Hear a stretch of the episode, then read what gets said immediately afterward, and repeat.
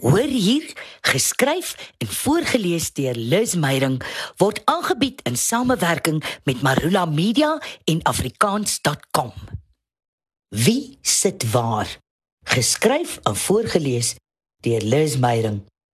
Dis partytjie tyd. Ondanks die resessie hou ons land se maatskappye darm nog kantoorpartytjies. Die vroeë weelde is afgewater. Die geskenke minder oordadig. Die personeel is ook aansienlik minder maar die joligheid wat die jaar se bagasie moet besweer, is steeds 'n vereiste sosiale saamsnoeder. As seremoniemeester of gaskunstenaar word ek dikwels by hierdie vreemde jolighede ingesleep.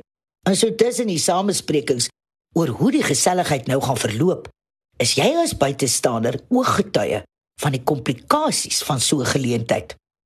Dis dieselfde met troues wat ook hier op die sterkkant van die jaar volop is. Dit hou die hordes toekenningsgeleenthede wat ek aanbied, teks voorskryf of regie van doen. Dis presies ook so met groot verjaardagpartytjies, huweliksherdenkings, selfs 'n kleinkind se dooppartytjie. Ek het dit daarom nog nie by begrafnisse teëgekom nie. Daar is een kopseer waarmee al die organiseerders van sulke gesellighede sit: tafelplasings. Die vraagstuk van wie sit waar verg meer tyd, energie, diplomatie, samesprekings, kompromieë as wat die Verenigde Nasies in hulle volle bestaan al moes oplos. Wat is dit met ons mensdom dat ons nie net oor die weg kan kom nie? Nie eens vir 'n paar uur een aand van die jaar nie. Hoe kleinlik is ons wrewels en weersinne mekaar dat net die blote daad van langs iemand anders sit 'n sosiale sinking so epies soos die Titanic sin kan veroorsaak. Ek verstom my aan ons onvolwassenheid. Ontwikkelde, intelligente, oënskynlik deernisvolle mense kan nie net met so en so gesels nie. Van 20 jaar terug het iets tussen hulle skeef geloop.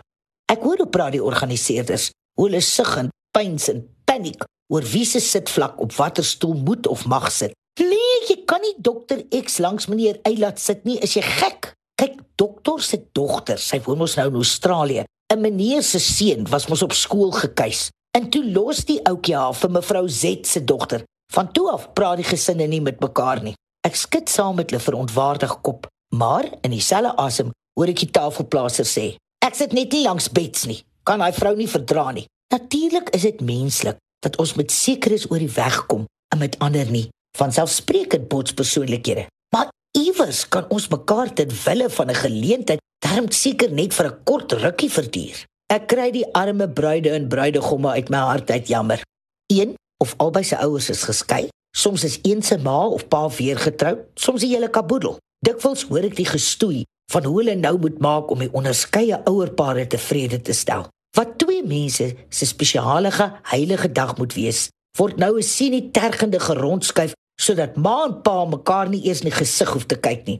Nie een van daai ouers is bereid om ter wille van hulle kinders net vir 'n rukkie met mekaar oor die weg te kom nie. Dis nie net menseverhoudings wat tafelplasings bepaal nie. Daar's ook die sosiale ranglys. My Joodse vriende praat van die gevraagde Rachmonis tafel. Rachmonis is die Joodse woord vir agsiestog. Die Rachmonis tafel by hulle sosiale geleenthede word soos die plaag vermy, want hier sit die neefies en niggies, ooms en tantes wat sosiaal nie gereken word nie. Hulle moet uit oordentlikheid genooi word, agsiestog, maar niemand is lus om met hulle te gesels nie. Daar's niks verkeerd met die Rachmonis mense nie. Hulle is net nie so welaf, so suksesvol, so belangrik soos die ander gaste nie. Hulle sit gewoonlik iewers in 'n hoek, naby die remoer van die kombuis.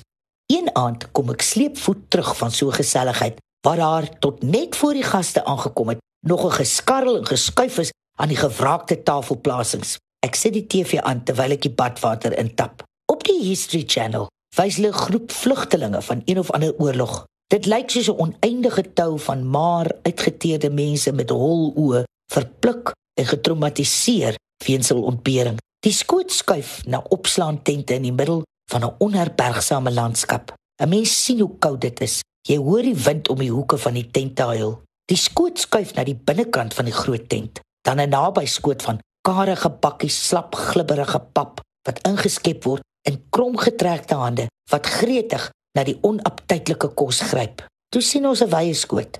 Daar's rye en rye tafels waar die honger mense gaan sit om te eet. En snaaks, ek het niemand hoor of sien kibbel oor wie waar sit nie. Om kinders te leer en te help vorm sit in 'n mens se bloed. Om hulle te sien floreer en te hoor hoe hulle presteer, dit is die dankie vir jou ure voor die klas. En dit is vir my lekker om te sien hoe kinders wat in hulle eie taal onderrig ontvang, groot hoogtes bereik. Dalk juis omdat hulle soveel makliker en vinniger abstrakte begrippe soos wiskunde in hul moedertaal onder die knie kry. En wanneer hulle eers daar die hekkie oor is, kan hulle vlieg in watter taal ook al. Besoek afrikaans.com en vind meer uit oor moedertaalonderrig.